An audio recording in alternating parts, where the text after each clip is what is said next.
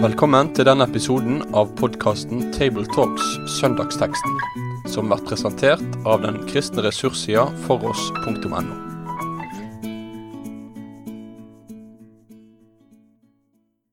Da ønsker vi velkommen til et nytt opptak i Tabletalks, og det er Rogalandsgruppa som er samla, med Sofie Braut, Øyvind Solheim og Jan Helge Aarseth.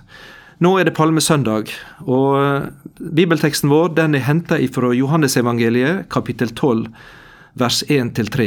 Og jeg vil be deg, Sofie, om du kan lese bibelteksten til oss. Seks dager før påske kom Jesus til Betania, der Lasarus bodde, han som Jesus hadde vekt opp for de døde. Der holdt de et festmåltid for han. Martha var tjener, og Lasarus var en av de som lå til bords med han. Da tok Maria et pund ekte dyr nardussalve og salva Jesu føtter og tørka dem med håret sitt. Hele huset ble fylt av angen. Da sa Judas Iskariot, en av læresveinene, han som sier han sveik Jesus, Hvorfor ble ikke denne salven solgt for 300 denarer og pengene gjevne til de fattige? Dette sa han ikke fordi han hadde omsorg for de fattige, men fordi han var en tyv. Det var han som hadde ansvaret for pengekassa, og han tok av det som ble lagt der. Men Jesus sa, La henne være. Hun har gjemt salven til gravferdsdagen min. De fattige har det alltid hos dykk, men meg har det ikke alltid. Den store mengda av jøder som var samla, fikk nå vite at Jesus var i Betania. Og de kom dit, ikke bare for Jesus skyld, men òg for å se Lasarus, som han hadde vekt opp for de døde. Da la overprestene planer om å drepe Lasarus òg. For mange av jødene drog dit for hans skyld og kom til tru på Jesus. Dagen etter fikk den store folkemengda som var kommet til høgtida, høre at Jesus var på vei inn i Jerusalem. Da tok de palmegreiner og gikk ut for å møte han, og de ropa, Hosianna! Velsigner Han som kjem i Herrens navn, Israels konge. Herre, nå ber vi deg om at du åpner dette ordet for oss. Takk for at du er til stede i ditt ord og at du formidler deg sjøl til oss. Amen. Ja, Nå tar Johannes oss med inn i en av de heimene der Jesus eh, ofte har vært, og eh, sammen med noen av hans nærmeste venner. Det er heimen til Lasarus, til Martha og Maria i Betania, som ligger da rett sør for Jerusalem. Og Denne heimen den har vi fått høre om før, og det er også der denne veldig både dramatiske og oppløftende fortellinga er om da Jesus han vekker Lasarus opp fra de døde. og Det er også nevnt her i denne teksten som er vår. da.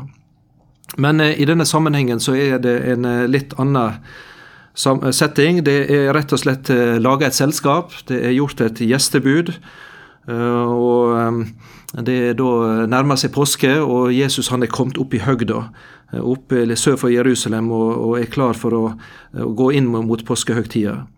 Og Da er det altså fest, der er gjestebud, og der er invitert på gjester. Og Martha, som den hun ofte blir framstilt som, hun er travelt opptatt med mange ting. Og er den som er kokt på kjøkkenet mat og ber inn til dem til festen. Eh, der er også Lasarus er sammen med dem, står det her. Eh, så skjer det noe her som er kanskje litt både eh, overraskende og uforventa. Kanskje ikke at Martha varta opp, for det tror jeg hun, ofte brukte å gjøre. Uh, og Der er mange sånne Martha rundt omkring. Men uh, Maria hun har en evne til å overraske, uh, tror jeg, både oss og de som var der da. Ja, Maria overrasker jo enormt her, og jeg tenker jo det at ofte vår mangel på kanskje innsikt i kulturen kan være en hindring til faktisk å virkelig forstå hvor eh, måte, sjokkerende eh, hele denne her scenen er. Tror du ikke det, Eivind? Jo, altså både det at hun som kvinne salver Jesus og, og steller med, med, håret som skal være tildekket, egentlig, i den Midtøsten-kulturen. Eh, kanskje muslimene ville forstått litt av det mest, mer sjokkerende med dette, lettere enn vi gjør. Og så er det klart at eh, hun sjokkerer også med å, å, sløse med en fryktelig dyr eh, salve eller parfyme. Altså, Hvis jeg har forstått det rett, så har den en verdi Altså 300 denarer var visst tilnærma en årslønn. Og det er klart når du knuser en parfymeflaske, og hele duften fyller rommet med, med en årslønn eh, 200 000 eller 400 000 kroner, 100 000 kroner, da da er det ganske heftig og eh, nydelig og litt voldsomt, det som skjer, syns jeg. Ja, Det står faktisk ikke bare rommet, men det står hele huset ja. ble fylt av eh, den gode dufta. Så det var uh, kraftige saker. Mm. Maria hun er på en måte den som velger sin plass. Uh, og husker fortellinga fra da Jesus sa at Maria har valgt en gode del. Mm. Da hun satt ved Jesu føtter og lytta til hans undervisning. Men, men Martha var opptatt av av sine praktiske ting, da, så er det også her som tar hun plass ved Jesu føtter. Eh, og nå er det ikke bare Jesus som handler og underviser, men det er Maria som handler. Eh, ut fra den eh, overbevisning hun har, og ut fra det hjertet som ligger bak. For her er det noe som banker hos denne kvinna. Ja, Maria har jo virkelig, viser jo, eller demonstrerer jo her virkelig ei tru med en type risikovilje og en et ønske om liksom å plassere seg helt tett inntil og, og på en måte få del i og, og komme, tett på, komme, tett på, Jesus. Da. Sånn sett er jo et enormt forbilde for, for alle som tror. Det å på en måte trenge seg på Jesus og det å, å lengte etter han og, og, ville være i hans nærhet.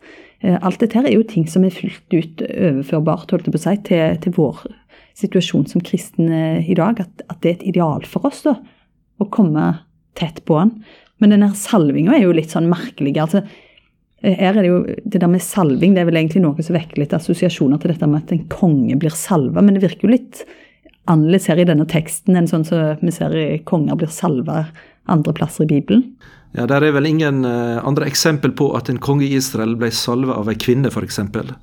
Så det at det var Maria som eh, ble den som skulle salve Jesus, det, det sier noe om eh, i Guds store plan hvordan eh, kvinner ble eh, både gitt posisjon og et, et vitnesbyrd som egentlig er utenkelig etter den menneskelige tanke. Der Maria ble, fikk være den som, som, på en måte var den som besegla og bekrefta Jesus i den gjerning som han hadde her da. Og det med salvinga er nå i bibelsk lys ei veldig stor, stor og innholdsrik gjerning. Eh, som på en måte åpner opp døra for hele Jesus som eh, Messias og som Kristus for oss. Eh, kanskje du Øyvind, kan trekke noen tråder inn i den salvinga. Hva er det som ligger bak det, rent sånn bibelhistorisk? Nei, salving som ble jo utført nær sagt over Aron og yppersteprestene, vel spesielt, og ved kongesalving når David bl.a. ble salva av Samuel, og Saul og David ble salva av Samuel, profeten. Eh, sånn at eh, både prestelinjen og kongelinjen så ble de jo salva til tjeneste. Og, og eh, Jesus går jo rett inn i det når han har sin så å si innsettelsestale, hvor han sier, siterer, eller leser fra Jesaja 61 at Herrens ånd er over meg, han salvet meg til. Og så kommer Messias-gjerningene til å forkynne de gode nyhetene, sette i frihet. Sånn at eh, det var kongesalving og prest, yppersteprestsalving som var på en måte bakgrunnen her. Og dette tyder vel også på at på en måte Maria kanskje er en av de som virkelig har kanskje forstått Jesus mer enn noen annen, kanskje. Eh, disiplene forsto ikke mye, og, Maria hun hadde valgt en god del å sitte og lytte til Jesus, og hadde kanskje lytta seg inn i hans verden mer enn noen andre. For hun salver, Og Jesus sier jo at hun salver ham fra hans gravferd. Så hun hadde enda til sett dypere enn at han ble salva til konge og prest, men at det òg på en måte skulle skje gjennom døden. Eh, Ole Kristian Kvarme skriver i sin påskebok eller at at denne salvingen som bakgrunnsforståelse, så sier han at det er gjennom sin død, altså Jesu død på korset, han utfører sin offertjeneste som prest og vi når fram til seierens krans som konge. Sånn at, og, og, og, dette kan det kanskje se ut som Maria har grepet noe av. Vi vet ikke hvor mye hun har forstått, men hun har iallfall gått inn i det der. Hun er tett på. Mm. Og jeg blir, jeg blir, liksom så forbløffet over det med Jesus som konge. Så, så annerledes mm. han er. Og det tenker jeg, som du sier, Øyvind, så er jo dette en veldig betydningsfull hendelse i hans liv og tjeneste og virke. Eh, det er jo et det er jo rett og slett et viktig øyeblikk i historien, det som skjer i, i Lasarus sin heim her. Eh, og likevel så er han på en måte beskreven som han er blant venner, og det er noe på en måte òg uformelt og nært over det. Eh, I forhold til kanskje hva en skulle vente med en, en kongesalving, og, og en, som òg skal være en slags grafersalving. Altså det er så eh, Ja, det er virkelig masse å undre på her. En kan kanskje også nevne dette her med Messias-tittelen som eh, Jesus går er, og som han er. altså Som i Det nye testamentet da blir Kristus det greske ordet for det samme, som betyr 'den salva'. Mm. Så akkurat det at han er den salva, det er noe som følger Jesus fra profetiene helt gjennom inn i Nytestamentet. Og her er det Maria da, som salver han eh, med nardussalve. Eh, det må være et veldig sånn eh, øyeblikk av både forventning og spenning. og eh, Ikke bare denne veldig gode lukta som fyller hele huset, men selve gjerninga, som, som, virkelig var måtte være ei, ei virkelig ei sånn hellig stund og høytidsstund mm, som en tenker seg inn i dette festmåltidet. Og så midt i det hele så slår der inn en kile en, en, av en sånn mørk tone inn i det hele, som flere ganger skjer når Jesus er, er, er nærmest. og det, Da er det en som tar ordet, og det er Judas her. Uh, midt i denne her, uh, kanskje øyeblikket av hellighet og av, av Gudsriket som er nær, som stiger ned, og åpenbaring av Kristus og uh, hans tjeneste og gjerning for oss, så kommer røsten inn av mennesket, av Judas Iskariot her.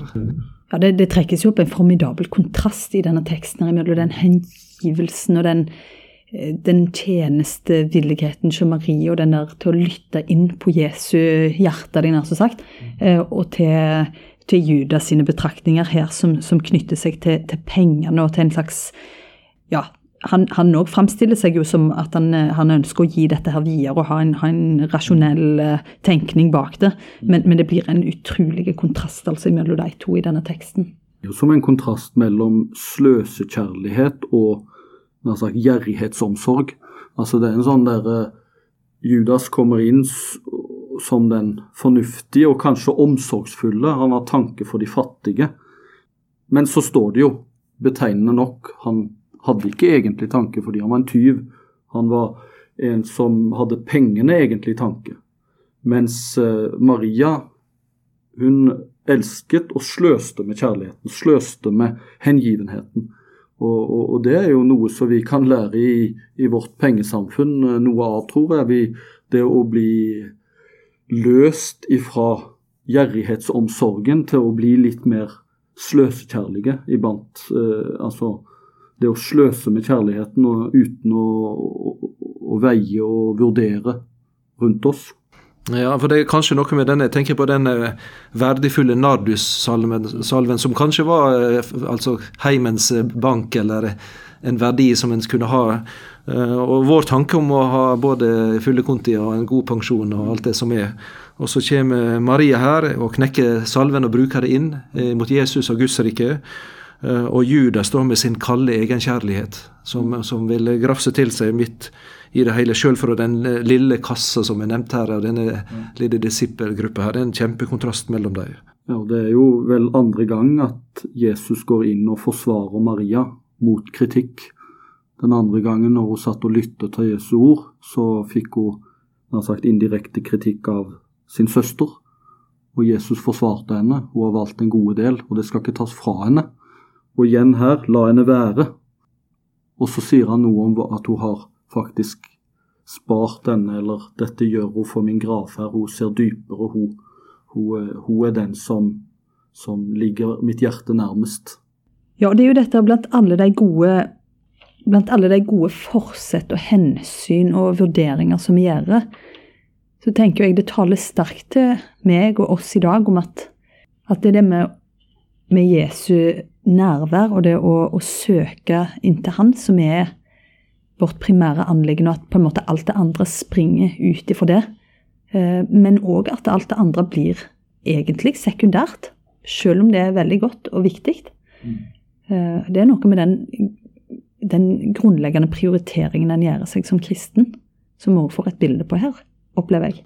Ja, og Når det gjelder bruken av midler og penger og slik, så eh, jeg kan huske jeg hørte Håkon Helgøy, som da var formann i, eh, i NLM. Eh, han sa vel det da at eh, misjon det er verdens største sløseri. Eh, For hvis en skal tenke i forretningssammenheng at en skal liksom så ut for å få dobbelt igjen, så er det slik at der auser en ut. Og en vet ikke heller om hva det vil føre til av frukter og slik. Så det er noe av Guds rike sitt sløseri, som du var Øyvind inne på, som blir gjort her, der en bruker det en har av ressurser og materiell rikdom også til, til å, å, å, å vinne mennesker og til å dele med andre av det som en sjøl har fått. Ja, det blir jo litt um, som Jesus når han snakker om at du skal ikke invitere folk hjem til deg, de som kan invitere deg igjen. Eller låne ut til de som du er sikker på du kan få tilbake betaling for. Nei, du skal invitere, nær sagt, uten tanke på hva du får igjen. Og det er litt av den samme, samme Og det er jo dette her Maria går foran med som et eksempel på. Hun, hun eh, elsker på en måte uforbeholdent og uten betingelse, på et vis. Ja, for det er ikke noe rom her for en type kald berekning. Altså her er det, her er det, det å eh, gi det en har, eh, som du sier, ut mot andre, men òg i, eh, i overgivelsen til Jesus. Eh, Og Hvis en eh, ser i denne bibelteksten her fra Johannes, så ser det ut som denne hvis en kaller angen eller duft, duften av den parfymen, at den, den når faktisk enda lenger ut enn eh, huset også. Eh, For den har en veldig tiltrekningskraft. Altså, Av folkemengden står det her. De strømmer til denne plassen til Betania, den lille landsbyen. og De kommer til denne heimen til Martha Maria Lasarus. Og, eh, og ved å komme dit, til den heimen der, så får de faktisk møte Jesus. Eh, Så det sier da kommer en, en, en truende heim med alminnelige folk, blir en, en misjonsstasjon. Der denne, denne gjerninga ble gjort, ble en magnet. Og det ser oss at pga. Jesus og også det som skjedde med Lasarus der, eh, og følgen av det, det er også beskrevet hos eh, Johannes da, det er at eh, de kom til tru. De trodde på Jesus, står det i vers 11. Eh, Så det ble en stor velsignelse, det som ble gjort der. Og det ble en velsignelse for mange og en stor vekkelse egentlig i dette området her. Jeg kommer på den boktittelen til Peter Haldorf, 'Duften av de hellige'. Altså det, det er jo et bilde det, eh, fra andre plasser i Bibelen òg, der, der, det der det får store ringvirkninger, den overgivelsen som blir eh, på en måte Som, som eh, blir lagt for dagen her, da, kan en si. Mm. Ja, og Paulus har jo dette med duften i, i andre Korinterbrev 2, hvor han faktisk sier noe om at det er duft av liv til liv for dem som blir frelst, og duft av død til død for dem som går fortapt. Og det er jo litt sterkt egentlig nettopp i denne fortellingen, for inni dette festmåltidet så har du dette, det er flere som kommer til tro. Lasarus er der, han som var vekt opp. Det er jo ganske sterkt.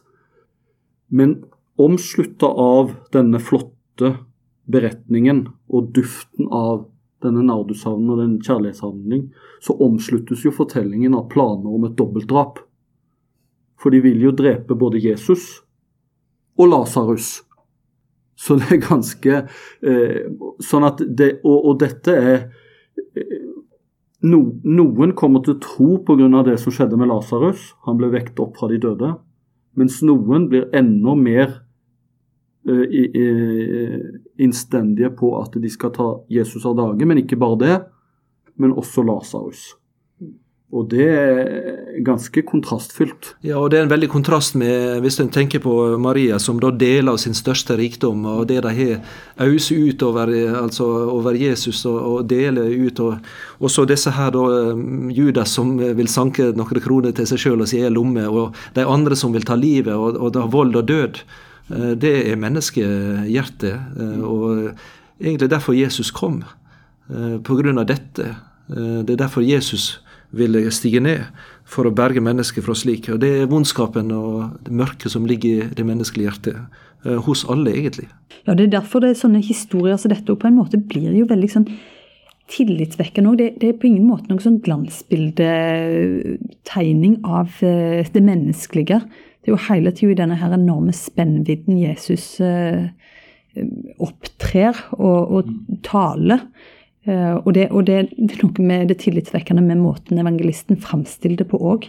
Eh, en er liksom ikke fremmende for å, å framstille en av Jesu disipler òg med virkelig det vonde som bor i hjertet her. Og, eh, og det, det vonde planene som ble lagt, og, og hvor uh, urovekkende egentlig hele denne uh, avslutningen er. Og samtidig så får vi da denne her uh, Hosianna-ropene til, til, Jesus, så òg skal snart skifte.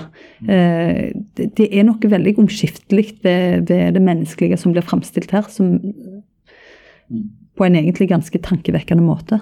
Ja, for nå er oss på palmesøndag og teksten til den. og, og, og dette Beretningen fra Johannes her skifter da fra denne heimen i Betania, den lille heimen til disse søsknene, over til storbyen Jerusalem og den store folkemengden. Eh, og Der er det en helt annen eh, situasjon. Det, det er altså ei, ei, stor folkemengde står her som står klar eh, med sine jubelrop. da. De hører at Jesus er på vei inn Eh, og Da får oss disse, dette som ofte blir sitert på palmesøndag, dette Hosianna. Velsigna være Han som kjem i Herrens navn, Israels konge. Et hyllingsrop. Og Det er jo sterkt i forlengelsen av Marias salving, for da er jo den salvede Israels konge. De hyller. Så på en måte så de som kom til tro på Jesus i forbindelse med Lasarus' oppvekkelse, og, og, og, og, på en måte slutter seg til så å si Marias salving, de hyller Jesus, sier Hosianna. Velsignet være han. For nå kommer han, den salvede. Og Du har jo også vært inne på dette litt tidligere nå. Det å snakke om altså dette med, med, Jesus som Israels konge, den som ble salva som konge. Mm. Og Øyvind, du var inne på dette med den ypperste prestlige gjerning. Mm. Der han er vår ypperste prest. Et tema som spesielt hebreerbrevet løfter fram. Eh, oppfyllelsen av. Og så har du det med profettjenesten da i tillegg. At Jesus er, er profeten som taler. Eh, Guds røst inn i vår tid. Eh, dette velsigna være Han som kjem i Herrens navn. Hva tenkte folket om det, eller hva, hva lå bak dette ropet med Jesus? Det er jo et sitat ifra altså de, de gir jo lyd til, eller bruker, de gamle tekstene i profetiene. Så på en måte så hyller de jo Jesus nettopp som den salvede og lovede og da til forargelse fra de som ikke regnet han som Messias. Sånn at det, det på en måte eh, De går inn i på en måte bekreftelse av at han er den som skulle komme, selv om kanskje mange av de så for seg at utgangen ikke skulle være nær sagt tornekroning, men en annen kroning. For den krone, kongekrone som han fikk i Jerusalem, den var full av torner. Mm. Ja, Det var korsets krone mm. som uh, han uh, ble hengt på. han. Det var i hvert fall ikke sånn de så for seg her når uh, han rir inn i Jerusalem og på den stemninga som råder på, i folkemengden på, på palmesøndag. Og, og det er òg tankevekkende hvor fort det der opinionen eller denne folkemengden skifter fra, fra denne jubelropet her, med, mm. som har et sånn et dypt ekko fra, fra det gamle testamentlige, og til korsfest, som òg er tilsvarende unisont. Så den, den folkemengden den er veldig omskiftelig, altså. Ja. Og folkemengden, eller uh, her i Johannes 12 er det jo litt interessant hva som fortsetter med. Det er jo noen utenom jødefolket som er der òg. Noen grekere som blir nysgjerrige på Jesus. Vet ikke av hvilken grunn, helt det står vel ikke, men kanskje fordi han nå hylles som en konge, eh, og, og kanskje hørt om det med oppvekkelsen av Lasarus, hun vet ikke. Men det er litt pussig å se når, eh, når, Jesus på en måte responderer til, til, disse eh, grekerne som ville se ham. Da svarer han på en måte det som på en måte blir et slags god dag mann økseskaft-svar. For det er liksom De ville se Jesus, men så sier eh, Jesus ifra vers 23 Timen er kommet da menneskesønnen skal bli herliggjort herlig med en konge og kroning, ikke sant, så sier han sannelig, sier dere, hvis ikke hvetekornet faller i jorden og dør, blir det bare det ene kornet, men hvis det dør, bærer det mye frukt. Og så fortsetter Jesus å snakke om eh, død og kors og at han skulle herliggjøres ved å løftes opp på et korstre og dra mange til seg på den måten. Det er svaret disse grekerne får når de vil se Jesus. Hvis dere vil se meg, så skal dere se hen til det som kommer til å skje på korset. Ja, og så er nevnt dette med Israels konge. Der er en ting til som jeg, har merker meg. Det er dette at han er den som kommer i Herrens navn. Eh, Herrens navn er veldig sentralt når det gjelder hvem Gud er. Eh, og, så vet dette navnet som Moses fikk, eh, altså Javé, han som er den han er. Men Moses fikk også åpenbart noe om Herrens navn da han fikk en plass der han skulle stille seg og bli dekka til av Herrens navn. Han og sett i bakfra når han ville se Herrens herlighet. Da er jeg i andre Bosbok kapittel 34. Eh, og Da står det det at Herren steg ned i skya og stilte seg der og ropa ut Herrens navn.